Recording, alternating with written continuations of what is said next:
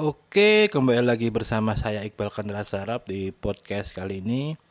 Saya akan membahas tentang akuisisi Gojek ke koin PH ya. Ini buat saya sangat menarik ya. Seperti kita tahu, koin PH itu adalah sebuah exchange di mana dia tukar jual beli, tukar menukar kripto ya ya kripto bitcoin dan lain-lain lah. Buat saya ini invensi in apa istilahnya apa invensi atau investasi besar ya buat Gojek di Filipina ya. Ya seperti kita tahu bahwa Gojek ngeklaim bahwa dia mempunyai 5 juta pengguna di Filipina jadi menurut saya ini sangat-sangat sangat-sangat keren gitu punya 5 juta user. Nah ya mungkin butuh punya apa namanya itu wallet dan lain-lain ya dengan GoPay-nya. Nah mungkin ini salah satu strateginya sama seperti yang dilakukan di Indonesia bahwa cara tercepat untuk bikin kayak gitu ya ngaku sisi fintech sih. Jadi ngaku sisi koin PH ini buat saya sangat-sangat menarik. 70 72 juta dolar atau berapa gitulah pokoknya lumayan lumayan banyak ya mungkin pada akhirnya sih nggak akan jauh-jauh buat pengisian telepon, bayar tagihan, bayar angkutan umum. Ya seperti yang dilakukan di Indonesia lah. Juga sebetulnya strategi yang dilakukan Gojek ini juga sama seperti ngakusisi mapan, ngakusisi mitrans, ngakusisi kartuku dan lain-lain. Ya semata-mata sih buat daripada ngurus izin lama-lama ya dibeli sekalian kan. Lebih enak kan udah ada izin ya masalah bank masalah dan lain-lain.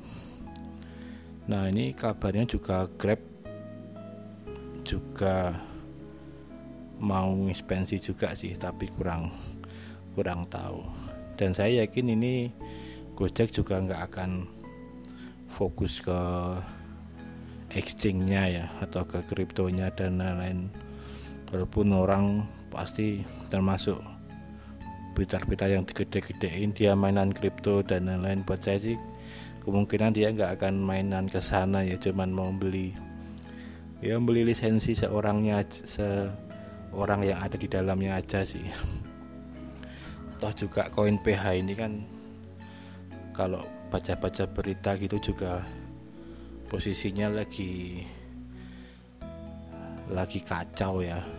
Mungkin mau kukut jadi butuh ya butuh suntikan dana dan lain-lain ya Gojek masuk. Lumayan lumayan menarik sih. Kabarnya juga sih ya itu tadi GoPay GoPay dan koin PH ini akan meluncurkan layanan asuransi pinjaman dan keuangan lain-lain ya enggak enggak jauh dari yang ada di sini sih.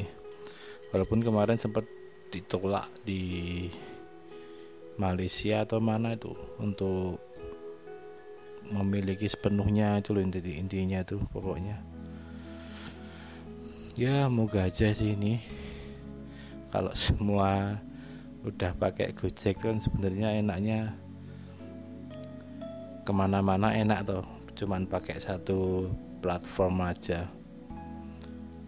Ya namanya juga Asia Tenggara kan kendaraan kendaraan fintech tuh sebenarnya ya poin poin penting sebenarnya di mana aja sih negara mana aja sih kalau kita berkunjung sih jadi kalau semua udah satu ada satu macam itu aja lah. Itu kan sebenarnya nanti mau ke mana-mana lebih lebih enak aja. Kalau Gojek kan udah di Vietnam, Thailand, Singapura, Malaysia sama mana lagi saya kurang tahu.